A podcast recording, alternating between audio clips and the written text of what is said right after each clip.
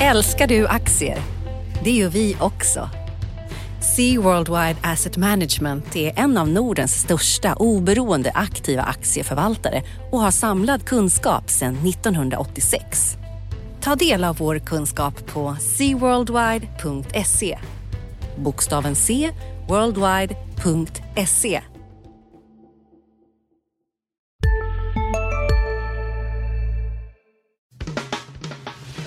Analyspodden från Dagens Industri. Hej och välkommen till Analyspodden, Dagens Industris podd om det viktigaste som har hänt på finansmarknaderna i veckan. Jag heter Viktor Munkhammar, med mig har jag Rickard Bråse. Hej Rickard! Hej du! Idag ska vi prata rätt mycket börs. Eh, vi ska prata skambud och nykomlingar som flyger nära solen. Eh, vi ska gå igenom det lilla som har hänt på makrofronten, lite halvljummen vecka. Vi har fått ett protokoll från Riksbankens räntehöjningsmöte eh, bland annat. Eh, och sen ska vi förstås eh, försöka gå igenom lite den eh, oro som veckan började med och Iran och vad man kan, vad man kan tänka sig ska hända där. Eller ja, det, det, det är väl ingen som vet, men det ska vi prata om i alla fall. Eh, men Rickard, vill du, vill du börja med eh, det viktigaste från din horisont, det vill säga börsen. Vad sticker ut här som man eh, ska ta med sig? Det som sticker ut är väl att vi är inne i en sån här fas som vi kommer in i emellanåt där index verkar vara skottsäkert eller pansarsäkert eller jag vet inte, missilsäkert som det, som det är nu. Börsen går det upp, är det det du försöker säga? Den, den går upp oavsett vad, om plan blir nedskjutna eller vad som än eh, händer helt enkelt. Nu är den ju ner lite lätt när vi spelar in på, här på förmid fredag förmiddag, den är 0,4 procent. Men vi är inte så där jättelångt ifrån de här ganska färska all time highsen som vi har fått eh, senaste månaderna här. Ja, det var ju nytt i, här, häromdagen bara i USA. Det var ju, det var ju en, ett tapp då i, i början av veckan efter eh, den här eh, ja, Iran-konflikten eller vad vi nu ska kalla det. Men sen eh, när det verkar som att det inte blir någon upptrappning, det vet vi ju förstås ännu inte, men, men vad det ser ut nu i alla fall, då, då hämtade sig börserna eh, snabbt får man säga. Så är det. Sen har vi haft lite bolagshändelser. Ehm, och en, en, sak som jag har funderat lite på är, är, är vi har ett tema här och, och, och om det nu kommer fortsätta under 2020 med det, det jag kallar för skabbebud. Aha. Alltså inte skambud, utan skabbebud där du har bolag som helt enkelt har det förtvivlat kämpigt på börsen och där man då väljer att eh, slå till och köpa ut dem helt enkelt. Du hade, förra året så såg du huvudägaren i Kappa lägga bud där. Retail har ju varit en riktigt sån här dödsdömd sektor och aktierna har gått bedrövligt. Oriflame är en annan sån här som var nedpressad på eh, flerårslägsta och där huvudägaren köpte ut den. Nu det senaste dramat här är väl egentligen då eh, Opus som eh, där vi hade eh, Andra AP-fondens aktiechef Jonas Eksman var ute och sa i dagens tidning var det väl att man tackar nej till det här höjda budet på bilbesiktningsbolaget från Göteborg. Och att det, han tyckte helt enkelt att det skulle vara värt det dubbla. Det här var ju en aktie som backar vi banden långt tillbaka så sålde de utrustning till besiktning de, de, och de fick det aldrig att funka. Sen köpte de ju när besiktningen privatiserats i Sverige så köpte de en av de här delarna och aktien gick liksom från en krona till tio eller något sånt där. Men de senaste åren har, har, har varit en lång och utdragen ökenvandring. Nu är det en grupp som vill köpa ut bolaget ihop med eh, vdn bland annat. Samt, och samma sak om vi tittar tillbaks eh, några veckor så, så eh, dagarna innan jul så kom det ju ett bud på det hårt plågade konsilium, eh, eller hårt plågade verksamheten har utvecklats förvånansvärt bra under många år och aktien har inte utvecklats alls bra. De sålde ju sin, eller ska sälja sin, sitt viktigaste affärsområde till Nordic Capital. Vilket gjorde att den var upp 185 procent på, på en dag.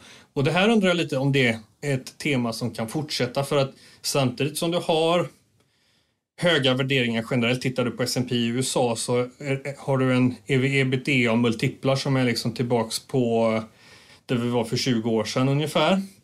och det är ju då alltså, historiskt höga nivåer helt enkelt. Eh, men samtidigt har du, finns det bolag som har det liksom kämpigt av olika anledningar som är väldigt nedpressade.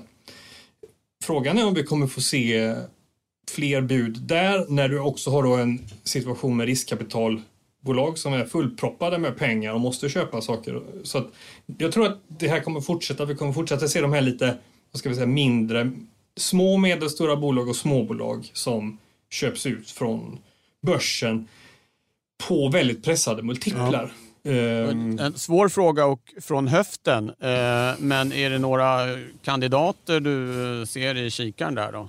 Um, det är alltid svårt att bara höfta ut när man sitter och breder ut sina stora teman hur de ska fortsätta och de här när du ska Nej, gissa. Du, du, du, men, men, men alltså, det, det, en jag funderat lite grann på är, helt, är Byggmax som är en sån här ja. Väldigt, väldigt mycket skuld eh, Eh, så att det är finansiellt liksom svajigt. Men går det så där verkligen superbedrövligt för dem? Är inte det ett koncept som ändå fungerar med eh, väldigt prisvärt byggmaterial? Ehm, den där tror jag kan bli föremål för någon form av bud av något slag, tror jag. Alltså den, den, den, tror jag att, att den, har avfärd, den avfärdas på börsen alldeles för hårt i förhållande till hur det faktiskt ser ut. Sen så har du bolag där, där den, där den finan, som har en finansiell osäkerhetskomponent. De blir ju alltid, eh, de kan ju handla liksom hur lågt som helst i princip egentligen. Då som en duktig investerare, investerare sa som jag träffade nyligen att har det gått från P15 till P8 så kan det gå till P5 också. Då handlar det i och för sig om nischbanker som han pratade om. Men ja, aktier kan gå ner. Hur ja, men bara 100 procent. De kan gå upp hur mycket som helst. Det är det fina.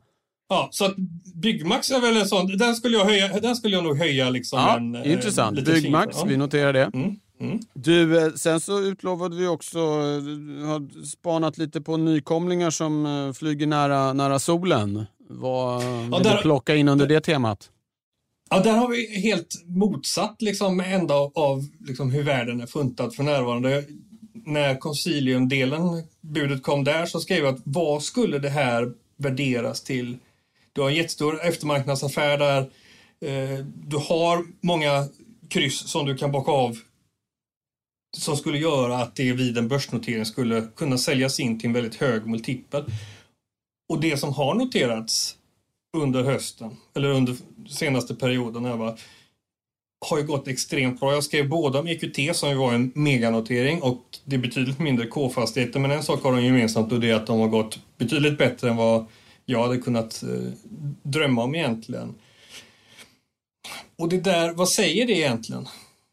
Säger det att har bolagen då på den korta tid de har varit noterade, har de presterat för att backa upp den här uppgången eller är det mer ett uttryck för någon form av vild jakt på, på, på ja, eufori helt enkelt. Jag skulle då luta åt det senare för KFAS till exempel, den, den har inte ens handlat nere på de nivåer som jag skulle tycka var en vad ska man säga, tilltagen uppgång på något års sikt. Va? Så, och att aktier har, går upp i ett kort perspektiv när de har noterats, att investerarna sväljer de här storiesarna med hull och hår det betyder inte att de blir långsiktigt framgångsrika. Om du, om du tar ett annat relaterat till K-fastigheter, Erik Selin är ju med som ägare där och det har ju säkert bidragit till håsen i den aktien. De noterade Collector för några år sedan. Jag har för mig att den dubblades på sex månader. Och sen dess har den inte dubblats utan den har jobbat i andra riktningar. Va? Så att uppumpade saker och höga värderingar du nämnde det här eh, First North-bolaget Mentis också som ju eh, har haft lite, ja, det... lite dåliga nyheter här i veckan men ändå handlas eh, högt i relation till introduktionskursen va? Ja, den noteras på 49 för mig nu. Sist, senast jag kollade var den runt 55 i alla fall. Och den har, den har backat betydligt från att den nådde all time high i höstas. Va? Men det ska den ha gjort också. Det är nästan och det övergår lite mitt förstånd hur, hur, ett bolag som när de hade pilot fishing så hette det att de skulle växa med 40 procent. Det ifrågasattes lite grann liksom när du inte, du, du hade inga, inga historiska siffror som backade upp den här siffran. Varför ska, och det är ju mer generell kritik mot börsnoteringen också, att de ska alltid prestera ännu högre än rekordmarginaler, ännu högre tillväxt än rekordtillväxt när de Eh, noteras helt plötsligt. Vad är det som ska göra det att plötsligt då ska gå så himla mycket bättre? Va? Utan det där är ju nog mer för eh, ett spel för galleriet eller vad man kallar det för. Den här gick, de sänkte till 30-40 i prospektet, så det var det de gick till börsen på, att de skulle växa 30-40 procent med 30 procent marginal. Det är ju ganska eh, saftigt och då kan du få till en ganska hög värdering. Eh, första rapporten som bolaget kom med, då sa de att Nej, det här blir nog ett år med, där vi landar i den nedre delen, alltså 30 procents tillväxt. Q3 kom som en bomb den 25 november i år. I fjol? Ja, i fjol, 2019 då. Uh, ursäkta. Okej. Och, och där sopar de ju rent då tillväxtprognosen. Eh, då var det, hette det helt plötsligt att, att de inte skulle växa alls. Och så kom ju nu en vinstvarning här eh, häromdagen där de säger att tillväxten i år blir minus 4 till 5 procent. Dessutom är orderingången i år ner 20 procent och jag tror det var ner 14, eh, någonting, alltså dubbelsiffriga procenttal i fjärde kvartalet också. Va? Så du har gått ifrån att du i princip då ska växa 40 procent till att du har minus 5 procent. Det spelar ingen roll om du har 80 procents bruttomarginal om du inte kan växa försäljningen. Nej, nej. Ja. Så att det här är ett bolag som det känns som att de har ju tagit... Man tar sina finansiella mål ur luften i princip känns det som. Ja. De har ju definitivt inte levererat så mycket kan vi ju säga. Nej. Och den handlas fortfarande över introduktionskursen och det är i mina ögon anmärkningsvärt. Vi får se vad det tar vägen. De, förhoppningsvis får de väl fart på eh, tillväxten längre fram men i närtid finns inte så mycket som tyder på det där för att den där aktien ska eh, liksom studsa upp härifrån direkt och gå superstarkt det håller jag för högst osannolikt. Ja. Vi måste väl nämna någonting om Anoto också, där det har kommit eh, nyheter alldeles nu här. Eh, det är ett bolag eh, som du har skrivit en, en hel del genom, om genom åren. Vad är det som har hänt? Det som har hänt nu är ju att deras eh, frontman Johnny Won avgår som VD. Han, eh, ja, han kom in för tio år sedan i bolaget som ägare först. Allra först kom, kom han in som kund kan man säga. Sen kom han strax efter in som ägare genom ett partiellt bud. De erbjöd sig bara att köpa en del av aktierna med 20% premie och kom över 15 procent för mig. Efter det så kuppade man in en styrelseordförande som fortfarande är kvar. Han heter Jörgen Durban. Och den här duon har ju inte skördat några som helst framgångar eh, på börsen utan det enda som har växt är ju antalet aktier. De har varit extremt duktiga på att hela tiden hitta nya vad ska man säga, så nya frön av tillväxtförhoppningar inom olika segment och det har ju aldrig materialiserats någonting. Har du också valt att bli egen? Då är det viktigt att skaffa en bra företagsförsäkring. Hos oss är alla småföretag stora och inga frågor för små. Swedeas företagsförsäkring är anpassad för mindre företag och täcker även sånt som din hemförsäkring inte täcker. Gå in på swedea.se företag och jämför själv. CSRD, ännu en förkortning som väcker känslor hos företagare. Men lugn, våra rådgivare här på PWC har koll på det som din verksamhet berörs av. Från hållbarhetslösningar och nya regelverk till affärsutveckling och ansvarsfulla AI-strategier. Välkommen till PWC. Um ehm, man skulle kunna kalla dem som börsens svar på helan och halvan tror jag. Det, det är någon form av dråplig komik det här har utvecklats till. Nu väljer eh, vdn då helt enkelt att sluta. Styrelseordföranden beklagar det hela. Men bakgrunden till det här tror jag är att man strax före jul skickade ut ett pressmeddelande om att man skulle ha en extra stämma där det poängen med det hela var att man, man egentligen skulle försöka att minska ägan, man skulle försöka minska Anotos ägande i det dotterbolaget där den nuvarande då, framtidsförhoppningarna finns. Genom olika optionsupplägg, bland annat skulle då vdns fru få kunna konvertera i dotterbolaget istället för i moderbolaget. Det där är ju liksom... Eh, jag förstår inte ens hur man liksom kan lägga den typen av förslag. Det är ju verkligen att ge långfingret eh, i ansiktet på de här då redan vad ska man säga? Hårt plågade aktieägarna. aktieägarna. Ja. ja. Och det är ett, det är ett, sånt här, ett av de här bolagen som har... Jag skrev förra våren vet jag en artikel jag tyckte att det är väl lite dags nu att sätta punkt för den här eh, sorgliga historien egentligen som, som bara lyckas att prestera nyemission på nyemission. Eh, nu får vi väl se. Jag tror ju inte att det här är någonting som sätter punkt. I, jag tror inte att eh, vdn som avgår kommer att lägga sig platt och att allt kommer att vara frid och fröjd och att alla kommer att leva lyckliga alla sina dagar efter det här utan tvärtom kommer det väl att fortsätta vara strider och det finns så mycket nyemissioner och konvertibler och allt möjligt de har ägnat. De har ju haft rena äppelknyckarkonvertibler kallar de det för en gång. Där vdn med, med, med fru då har, eh, vad ska man säga, de har gjort nyemissioner till sig själva och de har gjort, det, det är komplett, en komplett röra. Ja. Så att innan de får benat ut det där så kommer det nog ha gått en och annan advokatkrona gissar jag. Ja, all right. Det var lite eh, tråkiga börsnyheter. Som helheten då som vi varit inne på så gick ju börsen fantastiskt förra året och har börjat det här året bra. Och det kan man väl säga handlar om att det ser ut att vi ändå kommer få en okej okay konjunktur och att vi kommer få väldigt låga räntor väldigt länge.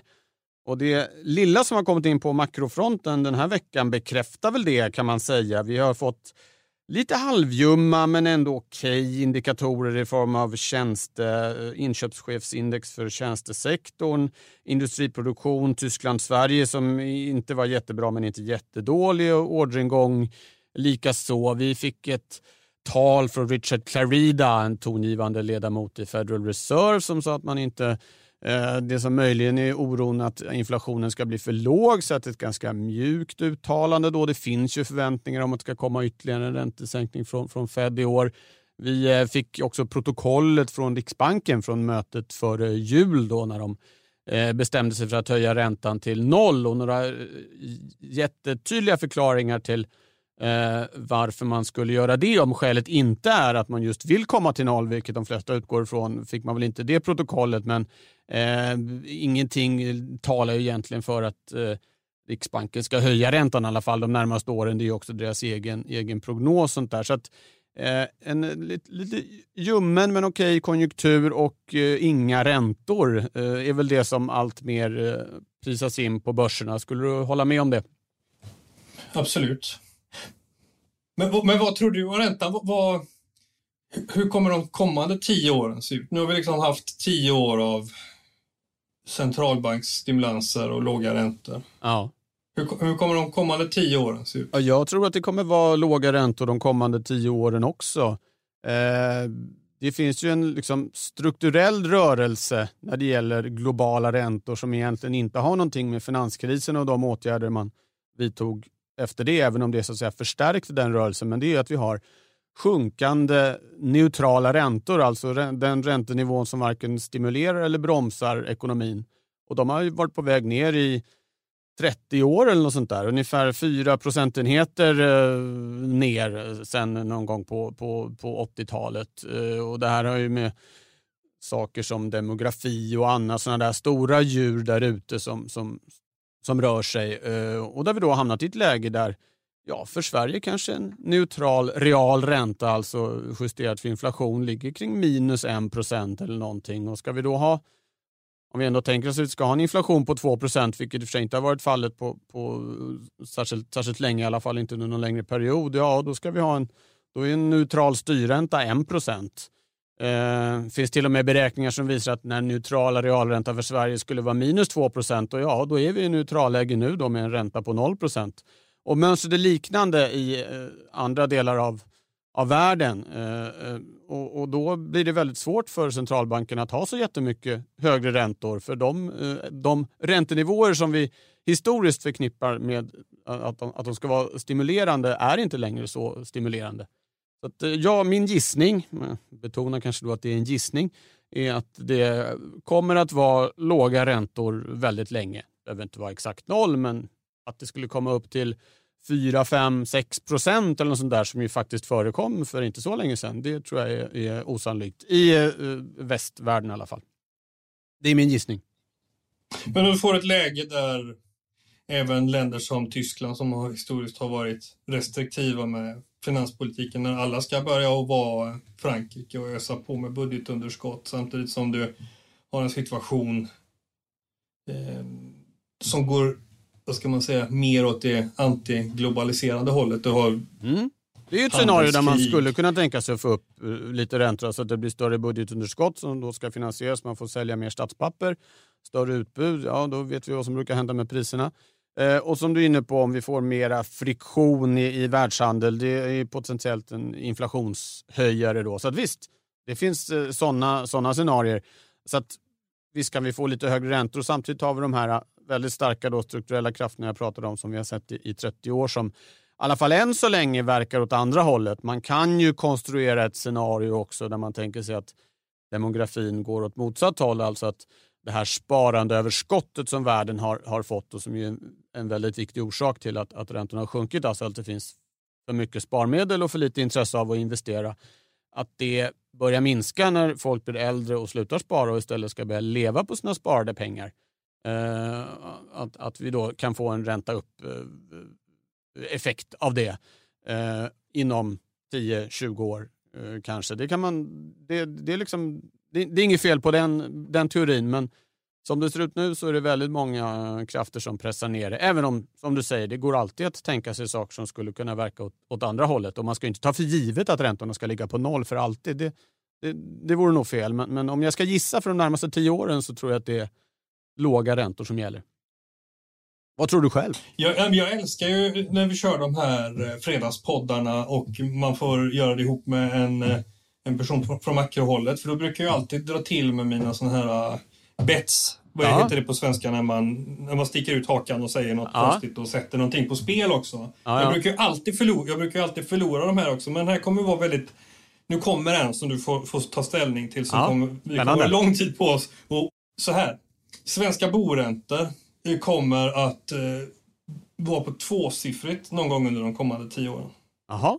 Intressant. Vågar du sätta, vågar du sätta en finare ja, middag på, på Sjömagasinet i Göteborg på den? Absolut. Då är det taget. Vi får se hur det går. Ja. Vill du berätta kort om varför du tror att svenska boräntor ska vara på tvåsiffrig nivå inom de närmaste tio åren? Jag är provocerad av att alla nu helt, liksom, ska tro att nu, nu är det noll liksom, för alltid som gäller. Och samtidigt så du har de här sakerna som vi som jag nyss sa, du, har, du går i en riktning som är mer mot, du har mer handelsfiktion i världen. Du kommer få se finanspolitiska trick som du inte hade kunnat föreställa dig de kommande tio åren tror jag. Du kommer, och samtidigt då fortsatt eh, push från centralbanker och den där, någonstans måste den inflationen komma igång. Och, det, och som jag föreställer mig också förändringsförloppet är att inflationen liksom kommer, den är ju vad ska man säga, ett sencykliskt fenomen bör den vara liksom när den ska upp och spika uppåt. Så att och när rörelsen väl kommer så kommer det, då kommer alla vara liksom inställda på att den inte kommer och så kommer den och då brukar saker röra sig mycket, mycket mer än vad någon hade liksom hoppats eller kunnat föreställa sig. Så att det är lite så. Det är, jag ah, förstår. Outland, äh, Outlanders vad heter det, galen tanke, men jag tror att det skulle vara ett spännande scenario. Ja, ett spännande scenario skulle det verkligen vara. Eh, det skulle bli jättespännande. Inte minst att se vad som skulle hända på bostadsmarknaden. Det vore ju väldigt bra för alla som behöver flytta eh, till olika, för att studera eller no någonting. Det skulle bli väldigt mycket lägre priser. Å andra sidan skulle det vara ganska dyrt att finansiera lånen då. Men ja, spännande scenario minst sagt. Mm. Du, ska vi blicka framåt eh, mot nästa vecka också innan vi rundar av det här? Vad händer på ja. börsfronten? Är det, något att, är det något att tala om? Eh, det är väl inga jättetunga saker. Storytel, det är ett bolag som inte är på riktiga börs, men de börjar ju närma sig börsvärdesmässigt så hade de ju nästan kvalat in nu på midcap, så det är väl ett bolag som borde ta bege sig till Stockholmsbörsen kan man tycka. De har kapitalmarknadsdag nästa vecka bland annat där aktien har gått oerhört bra. De kom ju med eh, bra införsiffror också på hur abonnenttillväxten har utvecklats här. Så ett mm. intressant bolag att hålla, hålla ögonen på. Ja. Ett stort bolag som ändå lever lite i, vad ska man kalla, det mediala skymundan. Ja, just det. Kapitalmarknadsdag alltså. Uh, och sen från min horisont så kommer det en, uh, en inflationssiffra. Nu är det ju inte som vi just var inne på så att Riksbanken är i actionläge direkt så att det kanske inte är superviktigt men det, det, det är någonting man ändå alltid måste hålla koll på. Men annars ser det väl ut att bli en ganska lugn vecka. Det har man ju trott förr i och för sig och så brakar det loss. Men inga jättegrejer i pipeline. Nej, då ser vi fram emot att det, att det brakar loss helt enkelt. Precis. Ja, just det. Och så tar vi förstås med oss att vi har slagit vad här i offentligheten. Du tror att svenska boräntor kommer vara på tvåsiffriga nivåer inom de närmaste tio åren. Jag tror det inte. Och priset är en bättre middag på Sjömagasinet i Göteborg. Jag får börja spara det. Jag får, jag kommer, börja spara. Kommer, kommer restaurangen för övrigt att finnas kvar om, bore, om vi har ett sånt läge att boräntorna går till tvåsiffriga nivåer? Jag kanske har hedgat bort mig där. Eller vad det heter. Ja, jag vet inte. Okej, okay, vi återkommer om det om tio år. Men Analyspodden är tillbaka redan om en vecka. Och eh, man kan också lyssna på andra poddar från Dagens Industri. Ekonomistudion exempelvis som sänds eh, dagligen och så Digitalpodden med allt det senaste inom den delen av ekonomin. Med flera eh, poddar såklart. Men nu säger vi tack för att du har lyssnat och på återhörande. Eller hur Rickard? Ja, trevlig helg. Hej hej. Analyspodden från Dagens Industri. Programmet redigerades av Umami Produktion. Ansvarig utgivare Peter Fellman.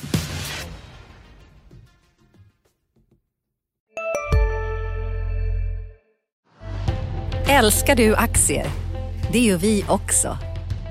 Sea Worldwide Asset Management är en av Nordens största oberoende aktiva aktieförvaltare och har samlad kunskap sedan 1986. Ta del av vår kunskap på seaworldwide.se. Bokstaven C, worldwide.se